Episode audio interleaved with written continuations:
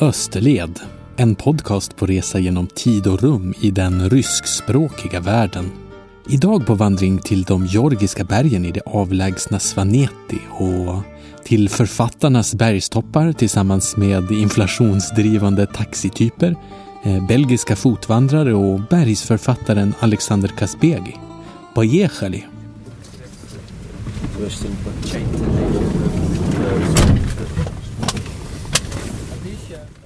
Vi fyra bergsvandrare lastades in i en marschutka här med ett gäng andra utlänningar för att eh, åka upp i den här regionen Svaneti. Då.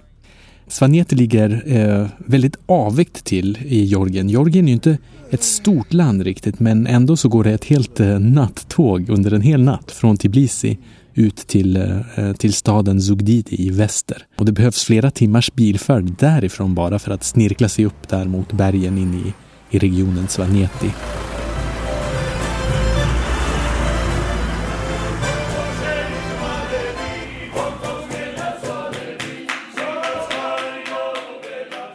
Största samhället där uppe heter Mestia. Där bor kanske 2-3 tusen eh, människor och eh, sen turismen har byggts ut i Svanete så finns det faktiskt eh, fullt av vandrarhem och restauranger och, och så. Det, bara för några år sedan så fanns det knappt några enstaka och Svanete har precis som resten av Georgien genomgått en, en fullkomlig metamorfos i det att den här turisminfrastrukturen har byggts ut och, och liksom tagit över. Men hit kom vi nu eh, på morgonen efter nattåget. Eh, det är jag och tre andra resekamrater nu, för efter det att jag kom över gränsen till Georgien i förra avsnittet så har jag alltså slutit upp med mina franskspråkiga vänner. Så vi är fyra allt som allt. Alltså jag, eh, fransmannen men Brysselbon Ricky och eh, min gudsons pappa Damien och eh, Brieux som jag Eh, reste med en liten förhajk i förra avsnittet. Eh. Och det var vi som gav oss ut på vandring direkt där efter frukost i Mestia. Fransmannen Ricky lyckades tappa sin mobiltelefon två gånger. En gång eh, på tåget till Sugdidi och sen glömde han den i marschrutkan när vi hade kommit upp till Mestia. Men kom på det just när han såg den här marschrutkan svänga om för att återvända ner till Sugdidi och sen så sprang han skrikandes och fick fatt i marschrutkan och, och fick tillbaka sin telefon en andra gång. Eh, första gången var det tågkonduktören som kom ut med den till honom. Eh, mest det ser ut som en liten som en, ja, men som en österrikisk alpby typ. Med ett eh, litet torg och en park. Eh. Och runt den så har den här nystartade turistinfrastrukturen då slagit upp sina dörrar. Och med det menas alltså att det finns ett gäng hotell och, och några affärer och lite bussar och, och sånt. Och någon bar som har öppnat där på torget. Mestia förblir ändå ett, ett litet och sovande ställe. Och där runt så köpte vi proviant för vår vandring. Vi slängde några gamla picknickar och pressade ner några nya matsäckar i våra stora ryggsäckar i vilka vi också hade tält. Och sen eh, axlade vi dem för att börja dagens eh, första etapp. Just som vi lämnade byn Mestia så äntrade ett begravningsfölje från utkanten av byn. Och turisterna ställde sig vid sidan av vägen då när det här följet kom. Och de bar en öppen kista med en man som tittade död rakt upp i himlen. Och ett sjuttiotal svanetier var klädda i svart där och, och ett dussintal turister stannade till med sina stora neonfärgade ryggsäckar och stod i stilla vördnad vid sidan av vägen då medan det här begravningsföljet gick förbi ett märkligt möte där mellan två olika världar. Um, vi som fotvandrare känner oss knappast som några verkliga fotvandrare så, men mellan oss och lokalbefolkningen där så finns det en, en verkligt avgrund kulturellt. Inte ens Tbilisibor skulle känna sig hemma här i Svaneti förresten, som är en ganska egen re region. Och de pratar till och med ett eget språk här, svan, som ligger ganska långt från georgiskan och, och det, det, skrivs inte heller. Eh, som utlänningar så är det som ryggsäckarna som befäster oss som utbölingar här. Vi ser, man, man ser direkt på oss att vi, vi inte hör till platsen. Men det är lustigt hur man formas av hur man känner att man ses av andra. Det där med ryggsäckarna och att det blir en sorts skillnad mellan oss och lokalbefolkningen gör också att vi plötsligt känner oss mer som vandrare än annars. vi blir lite grann som de turister som vår omgivning ser oss som. Certains sont On est aux portes, aux portes du semi-professionnalisme en termes de randonnée. Nästan som halvproffs i vandrandet har vi blivit här, säger de. Um, vi har alltså vågat oss upp i avlägsna, avlägsna Svaneti och blivit verkliga vandrare. Och den vandring vi ska göra nu, det är en fem dagars lång vandring mellan dalar och små byar som vi har sett ut på förhand, som Damien har sett ut. Au-delà des paysages, c'est vrai que la nourriture est assez convaincante. Ah ouais, ça, la nourriture, ça reste. Il y a trop de fromage pour mon goût, mais sinon ça va. Il n'y a jamais trop de fromage, moi. Maten här i trakten är i alla fall eh, fullkomligt övertygande, menar Ricky. Här det är han som pratar. Um, för min del är det som jag sa tidigare någon gång lite för mycket ost, även i Georgien. Jag är inte så förtjust i ost. Men för Damians del så menar han här att det aldrig kan bli för mycket ost. Eh, smaken är som baken. Jag har lite envie de mettre aussi euh, des guillemets ton enthousiasme, Brieux. Parce que pour les pique-niques, je trouve que c'est pas trop ça. On n'a pas encore réussi à trouver du vrai bon saucisson. Bah, les longs saucissons. Men det gäller i alla fall den här maten som vi får lagad till oss. Eh, eh, Ricky här invänder att picknickarna som man gör när man fotvandrar är måhända lite futtigare. Faut, faut reconnaître que c'est là qu'on voit qu'on n'est pas encore professionnel, c'est qu'il y a des membres de cette équipe qui passent leur temps à jeter des parties de notre pique-nique qui étaient toujours de qualité. Et nous tairons les noms. nous tairons les noms. C'est assez vexant. Förvisso hade vi ju fått tag i förstklassig korv. Eh, tidigare inte så magiska råvaror här annars som det var på vår vandring i Italien för två år sedan eller två år tidigare, men ändå. Tyvärr så hade det blivit ett logistiskt misstag kan man kalla det där i Mestia och en laddning med den här eh, fantastiska korven och då också tyvärr för de andra med ost hade hamnat i vår sista sopkorg innan civilisationen upphörde. Så speciellt professionella vandrare är vi inte när det gäller det. Men eh, vi censurerar för tillfället vem det var som begick den där logistiska fadäsen. Det kanske var några undermedvetna aggressioner mot ost som jag hade. Jag ogillar ju eh, ost som sagt, men en gillar god korv så eh, jag vet inte. Le fromage était délicieux en plus. Un saucisson qui était bien meilleur que le suivant qu'on a acheté. Just precis, en utsökt korv invänder Ricky här. Eh, mycket bättre än senare inköp, menar Brieux. Brieux röker ständigt sina e-cigaretter. Det är det som bubblar så hemtrevligt i, i bakgrunden här när han röker och bolmar ut sina apelsindimmåln i de svanetiska sluttningarna där vi hade satt oss på eftermiddagen eh, för att vila efter att ha passerat 20 kilometer sträcket redan för dagen. Inte illa gjort. Då behöver man sig en, en slurk att dricka.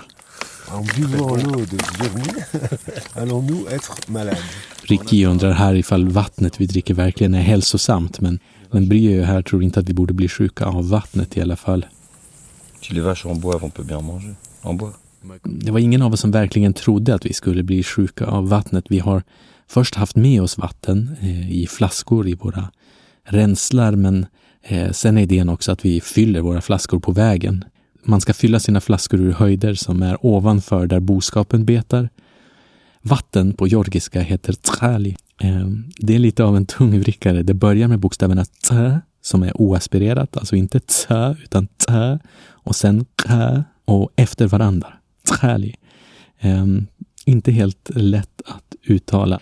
Mitt uttal är säkert ganska dåligt, även om Jorger ofta ger mig beröm för det när jag vill ha lite trals. Eh, fast man vet aldrig riktigt om deras beröm. De är så snälla och artiga och um, ni språknördar hörde där förresten kanske att jag böjde vattnet, för vatten är ju trali, men jag dricker alltså trals. Eller på georgiska då, trals kridrup. I Bryssel så smakar i alla fall kranvattnet apa, så den första påfyllningen av svanetiskt vatten konstaterades här i alla fall smaka himmelskt i jämförelse. Mais je la bois quand même. Elle est bonne. Hein? Ouais, elle est bonne. Les vaches en bois, je vous ai dit. Det kanske är svårt att hålla isär eh, resesällskapet här, men vi är ju alltså fyra vandrare allt som allt. Jag, Ricky, Brieux och Damien. Det blir ofta så att vi vandrar två och två och delar upp oss naturligt i olika par under dagen. Ehm, och sen byter man samtalspartner och eh, så mellan de här vattenpauserna eller vid mattillfällena. Många stigar gick att vandra två och två i bredd också, men just fyra i bredd är ofta lite svårt. Flera av de här stigarna har använts eller används fortfarande av Dalarnas invånare för att färdas mellan byarna, till häst då gärna, eller till fots också. Men ibland så går man på branta sluttningar där stigen är så tunn att det nätt och jämnt går att gå bara en person. Liksom. Och under oss i Dalarna så står det såna här kaukasiska svanetiska vakttorn som är, eh, hur ska man beskriva dem? Det är fyrkantiga vakttorn som är typ sex, sju våningar höga. De är från medeltiden, de äldsta. De är till för att skydda bybor mot rövare och allehanda erövrare. Så alla byar här är liksom befästa.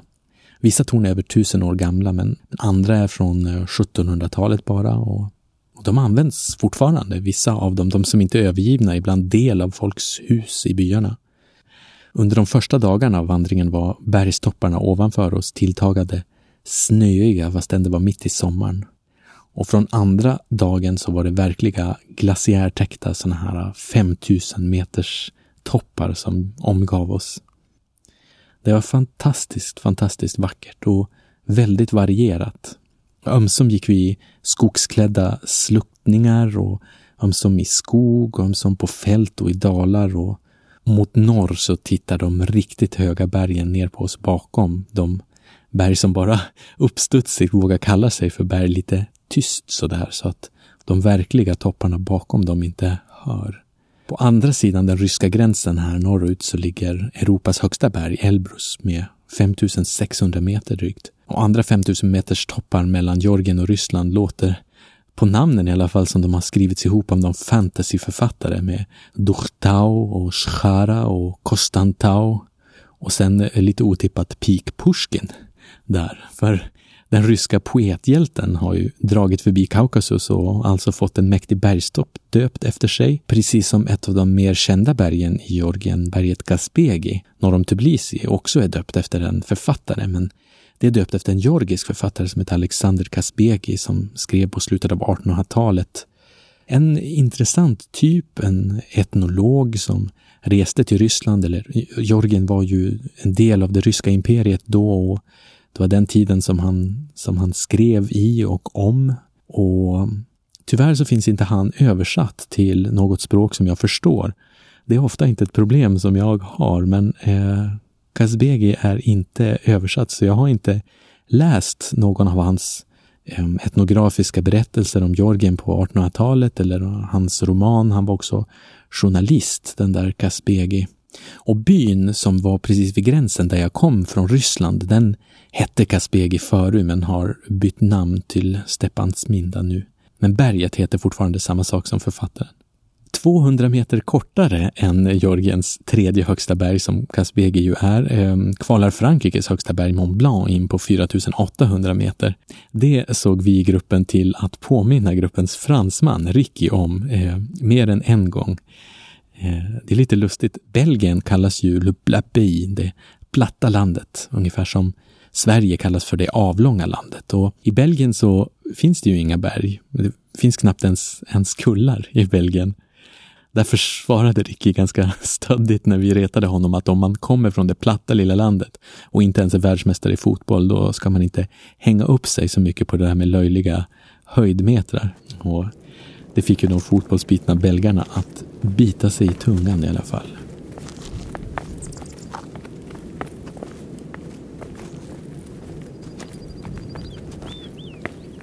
Tanken var ju ursprungligen att vi skulle sova i tält och vi hade ju tält nog med oss i våra stora ryggsäckar.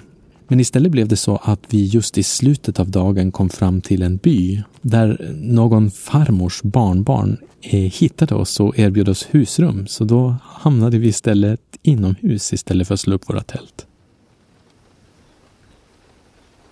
Det hade varit svåra tider för oss semiprofessionella kampare en natt som den här för nu regnar det ganska ihärdigt. Det är ett vindstilla regn men eh, kraftigt nog för att göra livet surt för kampare. Eh, men istället för ett surt liv eh, så har vi fått te och stekt potatis och en jättegod soppa och ett riktigt tak i ett riktigt hus med underbara sängar. Och det är sjukt bra, helt enkelt. I morse så vaknade vi alltså på nattåget och allting var som slitet och det känns nu som en evighet sen. Det, det har varit en väldigt lång dag, så det, men ja. Som vi har räknat så har vi gått um, närmare tre än två mil över berg idag. Så vi är ganska stolta och ganska möra. Men mätta och glada. Och vi kommer sova hur gott som helst. Det är tur att jag pratar ryska. Eh, de andra tre här kan ingen ryska alls och folk i byarna har inte hunnit lära sig någon engelska eller gå på några engelska lektioner än riktigt. Ehm, den här familjen som vi bodde hos, de pratade svan med varandra och georgiska med någon granne och eh, sen ryska med oss då. Verkliga världsspråk är ju de som man pratar när inga andra gemensamma språk finns på mycket avlägsna och isolerade platser. Och vi, eh, vi kände oss verkligen långt från civilisationen i den här byn. För vi hade gått då i, i princip en hel dag och kommit till ett ställe med kanske hundra invånare och ingen väg som går till byn annat än den som vi hade gått på riktigt. Och affären i byn var hemma hos en gubbe som hade lite varor i sitt kök som han hade transporterat dit. Barnbarnen i den här familjen, de, ehm, de som hade hittat oss när vi kom till byn, de tog med oss dit så att Ricky och Damian kunde köpa abchasiska cigaretter. Det är omöjligt att passera en sån här liten by obemärkta, speciellt när man sticker ut då som vi gör med de här stora ryggsäckarna och att det är så uppenbart att vi är utbölingar. Och jag börjar förstå lite grann hur den här lilla men viktiga turistindustrin ter sig i byar som den här. Att folk i byn som har sängplatser över eh, först har gjort det till någon form av grej att få lite pengar av de vandrare som gått igenom här men, men att det sen har utvecklats till någon hybrid mellan mellan eget hem och eh, paketövernattning för vandrare med middag och sovplats och och resten av middagen till frukost i ett litet paket. Um, det är också att turisterna som en ny inkomstkälla har smittat av sig i form av små investeringar här och var. Det var um, en nyligen tillfräschad dusch till exempel i huset där vi var, som de hade byggt till kanske bara de senaste åren, möjligen för att kunna erbjuda turister ett trevligare natthärbärge än eh, grannarna kunde. Men den första dagen här som vi vandrade, då var vi någorlunda ensamma och längst vägen när vi väl kommit ut ur Mestia så träffade vi bara två andra. Ehm, det var ett franskspråkigt par som kom ikapp oss när vi försökte gå ner för en ravin och alltså hade blivit sinkade där och att det var så väldigt brant. Och otroligt nog så hade de hittat en mobiltelefon på vägen, eh, på marken. Och mycket riktigt så tillhörde ju den Ricky. Han hade alltså lyckats tappa sin telefon tre gånger på en dag, men också lyckats få tillbaka den samtliga gånger. Det måste vara någon sorts rekord. Speciellt den där sista gången när man tappar sin telefon i de svanetiska bergen, så tycker man ju att den borde vara förlorad för evigt. I vilket fall var det inte mycket turister första dagen i alla fall, men den här infrastrukturen har rutter längs en väg också. Och så kan man ta sig igenom andra dalar till häst, så den andra dagen så hade andra rutter liksom sammanstråligt, så då var det kanske ett dussin turister som passerade allt som allt. Jag har en österrikisk vän som var här för tre år sedan bara och då sa hon att det var sju personer som vandrade de här rutterna och hon träffade dem alla bara vid ett enda tillfälle då alla vandrare samlades upp vid en getingmidja som vid ett vadställe över en iskall flod som rann direkt ut ur en enorm glaciär ovanför dem. Det var en farlig plats faktiskt och för tre år sedan så hade den här floden rivit med sig en israelisk turist då de min österrikiska vän var där och hon och hennes kille och de andra israelerna hade försökt springa ner och lyckats dra henne ur strömmen i det här iskalla, iskalla vattnet som de först lyckas med långt nedströms. Och hon kunde ha, hon kunde ha dött verkligen. Nu var vattnet inte alls lika högt som, som hon berättade att det var då. Men bara med någon halv minut med fötterna ner i det här iskalla vattnet som kommer verkligen direkt ur glaciären så känner man inte sina fötter längre oavsett om man trampar de blodiga på stenarna under eller inte. Men just när vi var där var som sagt vattnet inte så djupt och strax över knäna bara, men strömt och djävulskt och kallt som döden. Och med olika mycket besvär så kom vi oss vadande över i alla fall till andra sidan, men det, men det tog ett tag. Och på andra sidan så började en mycket brant stigning och vindlande stigar i, i riktigt buskig terräng där vegetationen var högre än vi var, i alla fall någon halvtimme och sen avtog vegetationen och en timme senare hade vi kommit upp ännu brantare upp på en kam på andra sidan den här glaciären från vilken vattnet strömmade och vi hade en fullkomligt makalös utsikt vid runt lunchtid den dagen. On regarde les montagnes et c'est absolument splendide. C'est à la fois des, des, des pentes verdoyantes également des pics rocheux encore recouverts de... Det håller mina kamrater med om här och det fanns andra vandrare där också. För, för tre år sedan så hade här varit verkligen en tom plats. Och Brieux tog upp sin, sin apelsinluktande e-cigarett där och vi retades med Ricky om höjdmetrarna om Mont Blanc igen. C'était pas 4800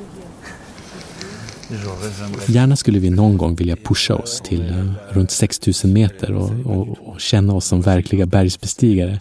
Så jag tror att det här vandrandet har gått oss lite grann åt huvudet.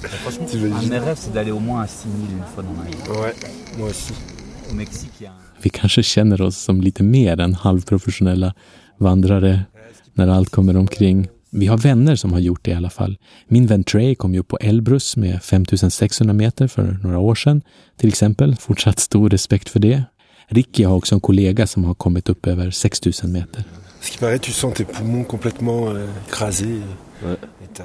Ricky säger här att hans kollega kände det som att hennes lungor var på väg att krossas när hon var uppe på 6000 meter. När vi satt där uppe så kände vi av den här syrefattigheten som är uppåt ja, men 3000 meter där i Svaneti. Ehm, det är helt säkert, men någon höjdsjuka riktigt eller någon risk av att drabbas av höjdsjuka, det, det hade vi nog inte. Som, så vitt jag har förstått det så är höjdsjuka med illamående och huvudvärk och svullna leder och så, det är mer någonting som har med lufttrycket att göra medan eh, syrefattigheten gör bara att man blir anfodd. Och vi var duktigt anfodda, det är helt klart. Man känner att man skulle göra sämre tider på 100 meter där uppe på höjderna. Ehm, jag hade sprungit min första halvmara hösten innan det här, så jag kände mig någorlunda i bra form. De andra tre röker sina elektroniska cigaretter och sin abchasiska smuggeltobak som de köpt på vägen. Det är ändå ganska hedonistisk eh, fotvandring som vi ägnar oss åt. Vi hade vin med oss till exempel från kvällen innan, så det var inte så illa. Och solen sken och picknicken var god och vackrare platser finns knappast. Och bättre liv inte heller egentligen. Fotvandringen fortsatte. Våra vandringsrutter som Damian hade sett ut på olika webbplatser med avancerade kartor var lagda så att vi passerade en eller två byar per dag. Vi hade ändå väldigt tur med vädret och det var sol varje dag men ofta regntungt på kvällarna. Och det gjorde att vi snart vande oss att hitta någon familj i byarna dit vi kom där vi kunde sova på kvällarna. På dagarna var det oftast strålande väder och på kvällarna så satt vi inne efter att ha ätit stekpotatis och te och lyssnade på regnet mot taket. Det är en härlig tillvaro att navigera sig fram i vildmarken. Några av byarna som vi passerade var övergivna byar på vägen där det inte alls fanns någon som bodde längre men de här kaukasiska vakttornen stod kvar i de byarna också. I några byar fanns det bara ett dussin hus ehm, och där kändes medeltiden ännu mindre avlägsen. Även om man hade, som jag berättade om kort i avsnittet när jag var i Ukraina, så hade man eh, ställt upp tv-antenner uppe på de där vakttornen så att man kunde få in lite nyheter. Längst in i ett av de här dalsystemen så ligger eh, vägs ände och en liten by som heter Uskoli. Och vägen dit den kom till på Sovjettiden men är inte riktigt framkomlig på vintern så vitt jag har förstått. Och den gör som en stor krök runt de här dalarna längs en ravin och en flodfåra som rinner ut i en annan glaciär vid byn Orskoli där vid vägens ände. Och det var Orskoli som var målet på vår femte dag. Och vi hade vandrat en lång omväg runt den här vägen som man då kan åka med bil.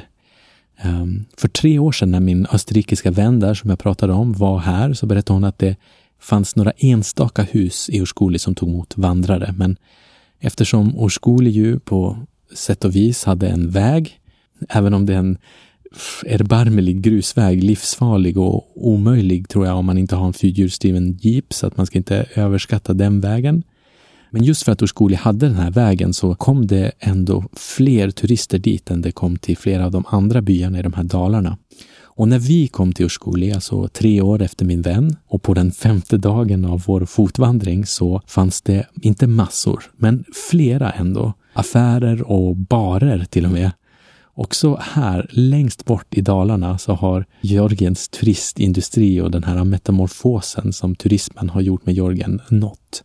Det förtar inte alls, ska jag säga, att Orskoli är en fantastiskt vacker plats med en vy upp mot den här glaciären och fullt av olika sådana här olika väl underhållna och gamla vakttorn. Jag pratade med en kvinna där som jag träffade på vägen och hon sa missnöjt att det inte fanns några pengar just för henne att renovera hennes hus och ta emot gäster fast än hon hade ett vakttorn som var jättegammalt på sin gård. Det här med turistindustrin driver mycket förändringar på ställen som Morskoli, men det är en mycket ojämnt fördelad och verkligen tudelad välsignelse att ha inkomster från turismen så. Mm, några andra verkliga inkomstkällor finns nog inte riktigt på platser som Morskoli. Nu har vi eh, satt oss och ta en öl här ur Skoli innan vi ska ta oss hem till Mestia. Eh, ja, vad säger man? Här är det fullt av turister. Fransmännen har gått och rökt. Eh, jag sitter här med en svanetisk öl. Och två mil i fötterna. För att ta oss ut ur Skolis var jag tvungen att förhandla och gruppens vägnar med den här taximaffian. Jag har verkligen utvecklat eh, en verklig antipati mot den här yrkesgruppen efter mina årtionden av att resa. De kan inte ens ge ett rakt svar på hur lång tid de tror att det ska ta att åka till Mestia här.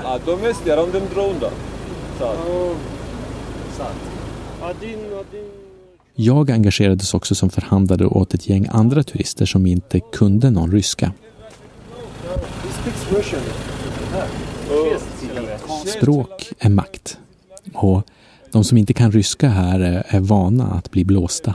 Men Taximaffian är en av de som har mest makt för här växlar de till georgiska. Men det är också det att det var ett taskigt förhandlingsläge här. Vi var kanske lite maktlösa på grund av att det var sent på dagen.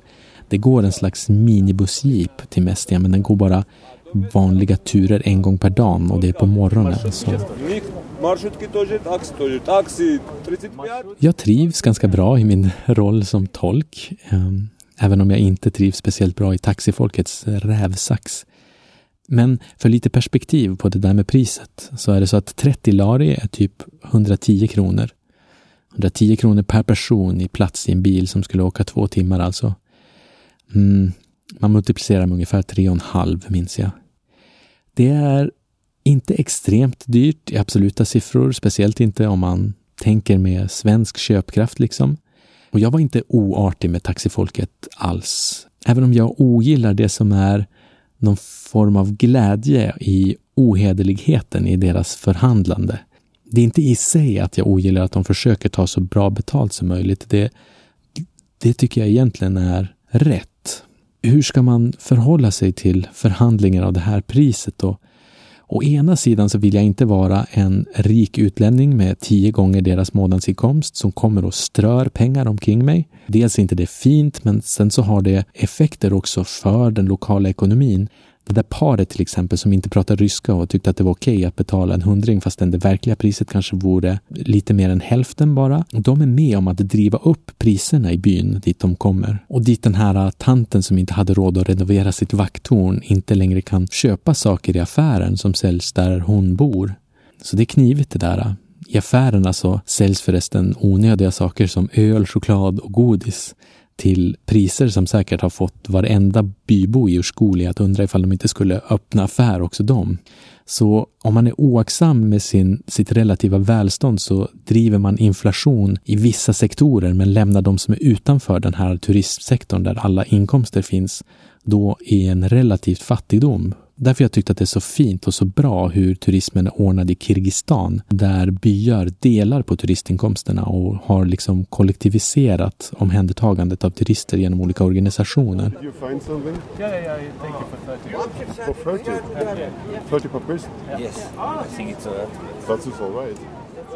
Men den andra sidan är inte heller så bra. Man kan inte vara för snål heller, förhandla för hårt eller framförallt inte bråka för länge och bli otrevlig och skapa dålig stämning i förhandlingen med, med taxifolket där, då sätter man ju bara käppar i hjulet för den enda inkomstkällan som, som verkligen driver på utvecklingen för relativt fattigare men beundransvärt arbetande turistpionjärer som de ju kan ses vara.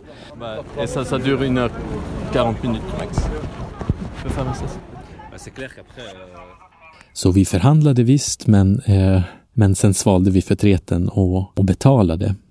Och det är också att det är härlig stämning på resan. Dels är vi ett härligt gäng som reser. Vi är aldrig arga på varandra. Inte ovänner, inte ens när vi har ont i fötterna och det regnar på oss de tre sista timmarna innan vi nådde Urskoli och, och inte när vi behöver betala för mycket för taxin.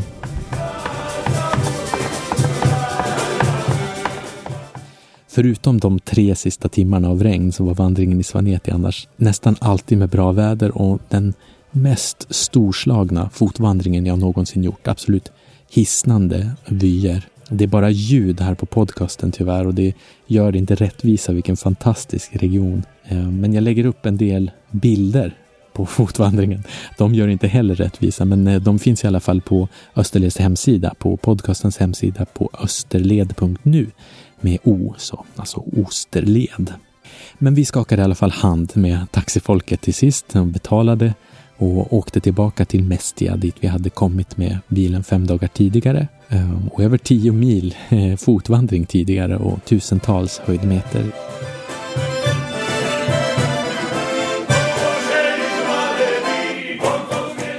I Mestia väntade en afton i frossandets och festandets tecken. Vi ehm, beställde grillat kött och drack vin och spelade och sjöng med musiker halva natten Ehm, I Jorgen är förresten skålandet sällan långt borta och sen så har man en hel del utmärkta ritualer kring vindrickande och skålande som jag ska passa på att berätta om eh, i något kommande avsnitt.